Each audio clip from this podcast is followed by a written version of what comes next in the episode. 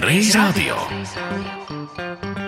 Pārlūkojot uz Latvijas radio 90 gadi tapušos ierakstus, vēlreiz paklausīsimies, kā saskrāpētai skaņu platē var atjaunot skanējumu un kā agrāk noritēja skaņu operātora darbs, kad no magnetofona lentes graizīšanas un līmēšanas pirksti kļuva jēli.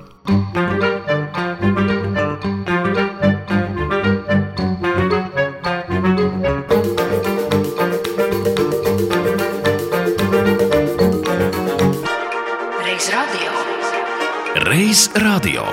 ar šodienas skatu pagātnē. Kā pelnrušķīte, lasot un šķirojot zirņus no putrājumiem, tā radio ilgus gadus skaņas ir vētījis skaņu restaurators un režisors Jāzeps Kulbergs. Tiesa, pasakā, pelnrušķītei palīgā nāca putniņi, bet Jāzeps ar trenētu dzirdi saklausa skaņas nepilnības un ar mikroķirurga precizitāti tās preparē. Sirmais kungs, kurš šogad nosvinēja savu 90. dzimšanas dienu, vēl pirms pieciem gadiem strādāja radio. Savulaik bijis skaņu režijas pasniedzējs mūzikas akadēmijā un saņēmis balvu par mūža ieguldījumu Latvijas mūzikas attīstībā. Bet tagad ielūkosimies Jāzepa Kulberga skaņu restaurātora darbā, ierakstā, kas tika veikts 2015. gadā. Šobrīd mūsu priekšā ir dators, un es lūgtu jums parādīt, lai klausītāji varētu dzirdēt, kā tad notiek šī ierakstu restaurācija, un runa būtu par ļoti unikālu ierakstu, proti tautas dzēniece Aspazija. Pagājušā gadsimta 30. gados ir teikusi apsveikuma runu toreizējam prezidentam Kārlim Ulmanim un arī Zemgalēji. Un te mēs varam tad ar parādīt, es lietoju vārdu parādīt pēdiņās, Jā, kā demonstrēt. nodemonstrēt, jā, jā, kā ir kā tas skanējis. Jā. Nu, to var. Tajā laikā, kad mainījās varas, Aspazija bija nevēlama ar savu runu sevišķi, ka viņi labvēlīgi izteicās par ulmaņa apvērsumu, un tā plata bija tīšām sabojāta. Es viņu redzēju pat, kāda viņa izskatās, parastā skaņa plata ar naglu krusts pārvilkts pāri. Plata nav pieejama, bet ieraksts ir pieejams. Tātad divi veidi. Pirmais būs tā sabojātā plate ar naglu saskrāpētā. Atnākusi liela tautas diena visā Latvijā, atnākusi lielā svētku diena zemgalē. Tā ir tik lieliska. Otrs būs tas, kad es restaurēju pacietīgi katru sprakšķi, izlasīju ārā pa vienam. Tur ir tūkstošiem. Jāsēž vairākas dienas un jāizlasa. Atnākusi liela tautas diena visā Latvijā, atnākusi lielā svētku diena zemgalē. Sveicinu savu mīļo zemgali, sveicinu visus viņas dēlus un meitas, bet par visiem pāri trīskārt sveicinu mūsu lielo brīnumu darītāju, mūsu valdoni, vadoni, valsts prezidentu, doktoru K. Ulmani. Un tad jūs sēdējāt un, un kā saka, lasījāt blusas no kažoka. Es nezinu, vai šis salīdzinājums būtu korekts, bet nu, Nē, nu tā ir, apmēram tas ir. Man vēl labāks salīdzinājums tā ir attutošana. Es atceros Vācu okupācijas laiku, kad bija tādas attutošanas iestādes. Bija. Mums šeit arī šeit arī attutošanas ies- iestāde. Viens šāds ir Aspāzijas runa, tā plate bija sabojāta, bet citi ieraksti, tu- tur jau ir bijušas citas tehniskas kaut kādas nepilnības, kur ir jāpielieto droši vien atkal Nu, ir cita. es, nu, es jums parādīšu, piemēram, Teodora Reitera kora ieraksta dārziņa, Emīļa dārziņa dziesma senatne. Tur kopējot, tas izdarīts nemākulīgi un radies milzīgs fons tāds, kas traucē.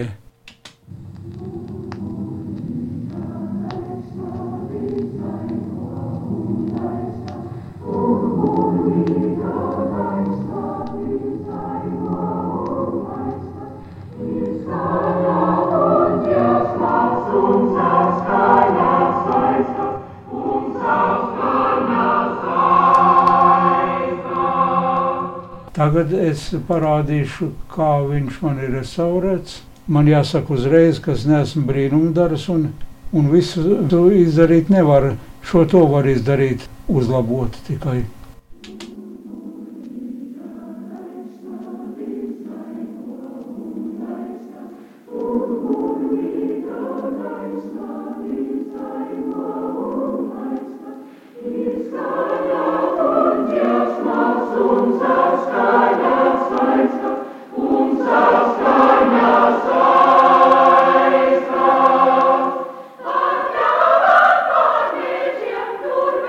Mēs chronoloģiskā secībā lūkojamies tālāk uz skaņu nesēju materiāliem. Tātad plates, un tad, kad jūs te atnācāt strādāt, jau lentes bija. Tad pa... bija lentes, jā, jā. Tad bija lentes. Piemēram, Lūcijas garūtas kantāta Dievs tavu zemdeg, pirmais ieraksts ir uz uh, magnetofonu lentes.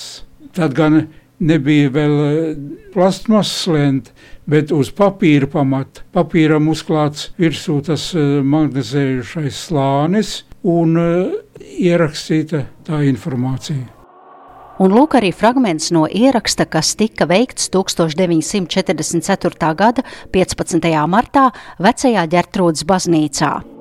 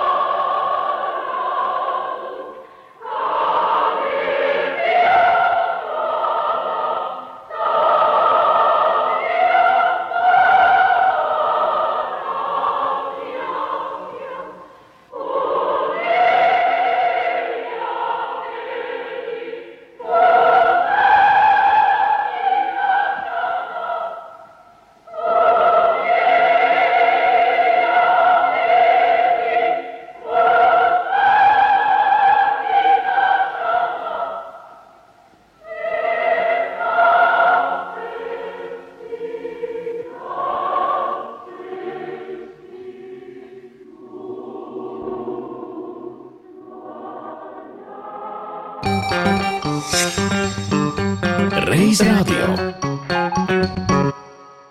Aptuveni priekšstatu guvu, kā tas ir restaurēt no sabojātas plates ierakstu, bet lentai, ja tā emālija kaut kur ir nobrukusi nost, kā tur taču ir tukšums, kā to var restaurēt? Tas ir grūti, bet ne, ne, neiespējams, šad tad ir iespējams, jo muzikā jau ļoti bieži tā atkārtojās. Sevišķi instrumentālā muzikā tas ir iespējams vokālā mūzikā saistīts ar tekstu, ar vārdiem, vai ne? Var paņemt no citu pantiņu to vietu. Kaut vai vienā akordu vai viena skaņa ielikt iekšā no citas vietas. Un tā jūs esat tamborējis vārdu tiešām nu, tā, tāds mūsu darbs ir. Tāds viņš ir, tā, tā specifika.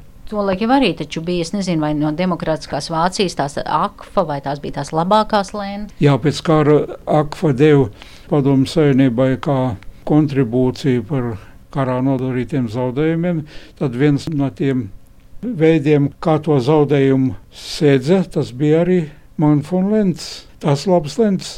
Vēl tagad ieraksts, kas uz tām ir saglabājušos, ir ļoti labā kondīcijā. Šobrīd eh, nevar parādīt par radio, bet sēžu jūsu darbistabā, un te ir divi lieli lēnšu magnetofoni, kas, es saprotu, jau arī ir vēsturiska relikvija, rakstīts Made in Hungary. Vispirms jau bija paša savienības ražotie.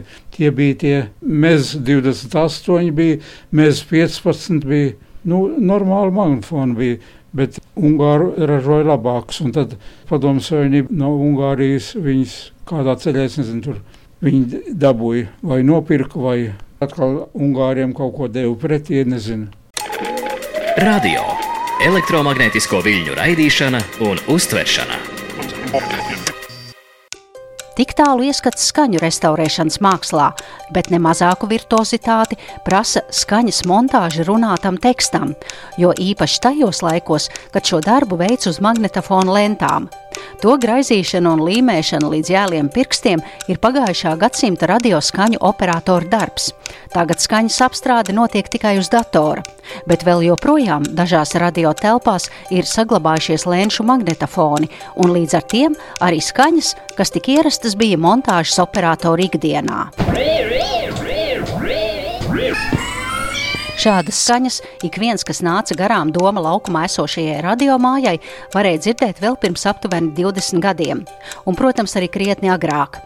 Puspagraba telpās vēl joprojām atrodas montāžas studijas, kur savulaik uz lēnšu magnetofoniem montēja raidījumus. Tagad datoru ērā šo lentes dancināšanas melodiju vairs nedzirdam. Tikai daži cilvēki mūsu radio vēl joprojām no magnetofoniem pārkopē ierakstus datoru formātā. Viens no tādiem ir bijušais skaņu un tagadējais datorinženieris Edgars Jackēvičs. Te jau bija interesanti lieta. Šie mm. magnetofoni, teiksim, liekas lēni ar emulsiju uz iekšpusi. Nu, restīvi, kādreiz tās galviņas bija no otras puses pretī lentei. Un tad lente tika uz otru pusi tīt virsū. Tad šī, šī vecā lente, uztinums viņai arī pretējs ir. Mēs mm -hmm. viņu savērpsim. Kas notiek, ja nesavērp? Tad vienkārši klusums ēterā? Klusums nav, skan kā muca, nav dzirdums skaņai.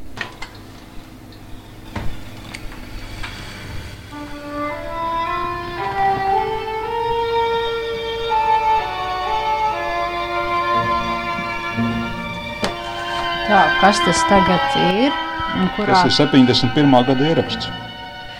Dziedi Jussi Bjerlings.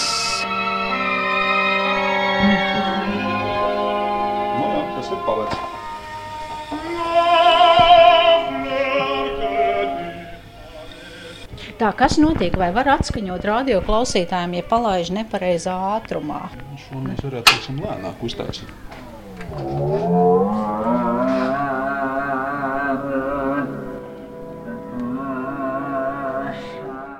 Vēl no tāda veida kļūdām bija iespējams radiocilvēku žargonā runājot buratīno efekts.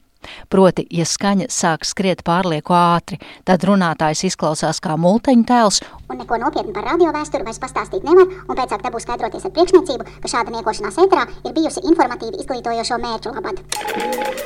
Tiešais ēters. Tava pārteikšanās izskan publiski. Bet lēns taču arī mēdz trūkt. Jā, nu, tā lēna vienkārši skatoties, kur viņi kā viņi pārplīs. Principā parasti ir akordi mēdz notrūkt, nostāja kādu līmējumu. Tad vienkārši to lēnu laid uz grīdas leņķinās lejā. Un, ja, piemēram, bija 45 minūšu vai 50 minūšu garš raidījums, Nu, Kaudzes bija laba. Pēc tam varēja to tīt atpakaļ lēnā garā. Nu, šī ir tā viena no tām lentām, kas tā kā reiz tādā veidā tika līmētas. Mēs varam paskatīties, kā rakords pielīmēts klāt. Jā, šīs skaņas bija ļoti ierastas pirms datora Tās ienāca varēja radio. dzirdēt, ejot pa domu laukumu, gar puspagrabu logiem. Mm -hmm. Tur bija metāla izkāšana, un tur dāmas montēja. Mm -hmm. Tādas skaņas varēja dzirdēt.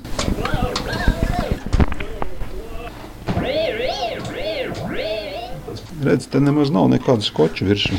Salīmēts ir. Tās lēnas kādreiz, ja viņām pastrādā, tā kā oši pēc etiķa ir tāda kādreiz tāda smaka nelaba. Sadzīvē bija spola, plasmas spola, kuras bija uztīta lenta virsū. Jā, atceros. te jau nav spola, te ir tikai pa vidu metāla gabals, tas centriņš, ar ko pudeles taisīja vaļā. Tā, šis, Limonāts mīlētāji. šis ir tas, Jā, šis ir tas centriņš, jā. jā. un viņi vienkārši kilometrus ar lenti tika uztīts virsū. Lentē stāvot, viņi pažū, un tas uztīnums palika tāds mīksts, vaļīgs. Un kādreiz to lentu paņēma to rulli aiz kantēm, un tas centrs izkrita ārā. Un tad tu paliec vienkārši ar lenti bez, un lenti lēnām Nu, lūr, lūr, lūr, uz krāsainie papīrīši, ko bērni jaunatgadā met pa gaisu. serpentīnas. jā, Serpentīns, jā. vai glabājas serpentīns, un tas kilometrs notinās uz zemes. Bet tā situācija ir apmēram tāda. Pēc piecām minūtēm ir jāskan šim ierakstam, un operators paņem aiz malām to lenti, centriņš izkrīt, un ko viņš tagad dara? Es esmu dzirdējis, ka savu laiku tāds gadījums esot bijis, kad uh, sasaukt visi radio cilvēki, kas ir bijuši uz vietas. Tā bija kaut kāda brīvdiena, un tas rullis tika izstiepts pa koridoriem, pa trepēm, visā garumā stiepts, un, un, un viens gals jau skanējis ēterā lentai. Un Tas viss tā, tās konvejers virzījies uz priekšu, tur to lentu limējuši, šķērs šķērītēm griezuši, jo viņš jau sametās mezglos. Tā lenta viņi nevar nekādīgi atpiņķerēt. Tā viena griezta līmējuši, un tas viss tā virzījies tā procesī, tā pamazām, kamēr tas rullis viss izskanējis. Bet, ja tādu, teiksim, operatoram vai kaut kādam skaņu operatoram nokrīt zemē pie montāžas, nu, tad tur kādu dienu tur var ņemt tīto lentu. Turpinot lūkot skaņu montāžas darba smalkumus, jūsu uzmanībai pirms pieciem gadiem tapusi saruna ar divām skaņu montāžas operatorēm - Ingu Bēdeli, kura šobrīd ir vienīgā, kas ilgus gadus strādājusi montējot ierakstus uz magnetofonu lentām, un Aija Keizika, kas 2016. gadā aizgāja mūžībā. Tagad, redzot skaņu datoru monitorā, kas izskatās kā trekna kardiogrammas līkne, ir viegli izķert skaņu blusas ierakstītajā materiālā. Bet agrāk tikai graizot un līmējot magnetofonu lentu bija ļoti jāuztrenē auss un pirkstu veiklība, lai kvalitatīvi samontētu raidījumu. Inga un Aija bija meistars šajā arodā.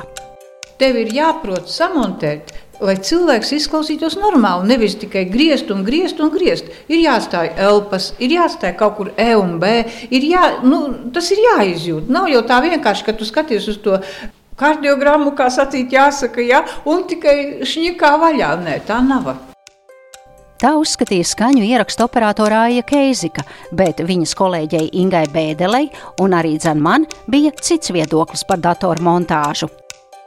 Bet šeit var redzēt, tagad uz datoru monitoru, bet uz tām lentām jau nevarēja redzēt. Nav kāda starpība. Kāda starpība? Šeit ir, ies... Nē, šeit ir iespēja labot tās kļūdas. Te tu vari atgriezt atpakaļ, te tu vari kaut ko. Jā. Tas ir daudz vieglāk tādā ziņā. Jā, jā. tur bija atbildība lielāka. Atbildība, protams, bija lielāka. Jā. Jo gadījās, kad uh, tu izmetis kaut kādu vajadzīgu teikumu, tu izgriezis no lentes, iemetis lielā kaudzē uz grīdas, kur ir lēnšu atgriezumi. Redaktors paziņo, ka viņam noteikti vajag to teikumu. Ja? Tu pie uz ceļiem un meklē to gabaliņu un pielāgo attiecīgo lētas posmu. Jā. Apmēram Un jūs to Jā, varat dzirdēt, jā. par ko tur ir runa. Jā, apmēram šādi mēs montējam. Varbūt viņš ir lēnāk, līdzīgi, bet tā bija. Tajos laikos sēdēja redaktors, mūzikas noformētājs blakus, un tas gaidīja, ka mēs samontēsim, kad viss gatavs un ka varēs visu kopā kopēt, un pēc tam vēl nesavus uh, tehnisko kontroli, kur nedrīkstēja tur būt plus mīnus 2 decibeli, un ja tu esi nokopējis 45 minūtes raidījumu, tev atrada trijās vietās tādus plus 2 vai mīnus 2 decibelus, sēdi un pārkopēji. Kādi bija toreiz tie montāžas operatora darba rīki? Mēs iedomājamies, bija divi lenšu magnetofoni. Uz vienas skan tā saucamais melnais materiāls, un uz otru ir tīra lenta. Tagad, un kas tur bija šķērs, Tas skočs? jau bija pēc tam. Sākumā mums bija viens montāžas magnetofons. Un tad bija šķērs, līmes pudelīte, līmes kociņš. Un tad mēs attiecīgi griezām, tur ārā griezām visu to nevajadzīgo, līmējām kopā to lentu. No tādiem gabaliņiem tika samontēts pamatmateriāls. Tajās vietiņās, kur bija paredzēts, kad liek mūziku, tur mēs līmējam tā saucamos rakordus pa vidu. Lai pēc tam kopējot kopā ar mūzikām, tad uz pārējiem magnetofoniem bija uzliktas mūzikas uz vienu no tiem tīrais lentes rullis kurā ar pūles palīdzību tika samiksēts mūzika kopā ar visiem tekstiem. Tagad skaidrojums klausītājiem, kas ir rakordi, kā izskatījās Tā ir rakordi. tāda krāsaina lenta, vienkārši, kurā ir neitrāla, kurā ir Tukšums, tur klusums. jā, jā. Katras lentes sākumā bija zaļais rakords, beigās bija sarkanais. Un pa vidu, kur vajadzēja teiksim, atstāt uh, tukšumu, kur nāca korespondenta teksts iekšā, tur bija baltais rekordiņš. Tad, kad es atnācu strādāt, tad bija lentes līmējumas ar skoču. Nebija līme tad sākumā, skočs vēlāk parādījās tikai. Nu, pirmais bija, tad, kad līmēja ar līmi un līmes kociņu salīmēja lentu, liekot vienu gabaliņu uz otru. Pareizajā virzienā, pēc tam jau pārgāju uz skoču. Tad mēs tur tādus mazus gabaliņus sagriezām, lai iet ātrāk un līmējām tādas mazās plāksnītes uz magnetofona, lai paķertu un salīmētu. Nezinu, vai tas bija ātrāk. Pirksts nebija to uznās vienīgi ātrāk, arī mazliet laikam. Tālāk jau bija, tas jau bija kaut kādā 85. gadā, jā, ka vienkārši izkopēja vajadzīgo. Bija divi magnetofoni uz kopēšanas principa. To lieko vienkārši atsijāja un izkopēja ārā to, ko vajag. Uz otru magnetofonu. Jā, un tad pēc tam bija datori. Kas tā pa līmi vispār bija? Es nemaz neatceros. Acetons un kas tur vēl tur jā, kaut kas. Jēli pirksti bija no tās līmes, jo dažreiz bija tā. Es tās uz vienu gadījumu bija tāds raidījums politisks, es vairs neatceros nosaukumu, kur mm, Petrogrādā tajā laikā iebrauc kaut kāds, bet tas Ļeņins bija vai kas bija, es neatceros. Pagaid, kā tur bija? Uz bruņu Ā, vilcienu. Jā, Petrogradā iebrauc Ļeņins uz, uz bruņu vilcienu, un par to stāsta viens vecs, vecs revolucionārs to laiku. Rūlis kaut kādu stundu, liela panna guļ man uz magnetofona, un es sāku montēt. Un viņš, nu nevaru tā stāstīt, un viņš saka tā, iebraucu maķi, Petrogradā maķi, uzkāpu uz bruņu vilciena malas maķi, un šitā stundu Es no sākuma smējos, kolēģis smējās. Viens aiziet mājās, otrs aiziet mājās. Es skatos, pulkstenis septiņi vakarā, un es ar asarām montēju to lielo rūli. Un izgriezu visus Un tos, visus tos es bija vārdus. Jā, nesmukos vārdus izgriezu ārā, pirksti ģēli. Etiķis bija un arī bija, protams, jā. Acetons ar etiķi bija. Bet viņš ir godīgs, ka sēž ādu un vispārējo. Jā, un, un, un līdz ar to rokas bija. Bet pēc tam jau viņas pierada un tad tūlznes milzīgas izveidojas. Tad bieza, bieza āda uz pirkstiem. Neraugoties uz šo tolaik smago darbu, tas ir vilinājis. Tā piemēram, Inga Bēdele radio valdzinājumam ir nodevusies pamatīgi un pat vairāk kārt ir mēģinājusi iekarot šo iestādi, lai darītu savu sapņu darbu, proti, montētu raidījumus. Jo es te atnācu, kā toreiz teicu, pēc, bez kaut kādas blata sistēmas. Vienkārši nekaunīgi gribēju tikt strādāt. Un, un tad man Kāpēc? Kāpēc jūs gribējāt nekaunīgi tikt strādāt radio? darbs patika. Man laikam vienīgais kaut kāds izklaides veids tajā laikā laukos bija. Latvijas rādio klausīties, jā, nekā cita toreiz nebija. Un tas man viss ļoti patika un interesē, interesē kā top tie raidījumi. Un gribēju redzēt un satikt tos cilvēkus. Nu, tas tā jau no bērnības var teikt. Jā, tāpēc es tā spītīgi arī gāju uz to. Ieskatu skaņu apstrādes laukā sniedza, un šo raidījumu veidoja Zane Lāce.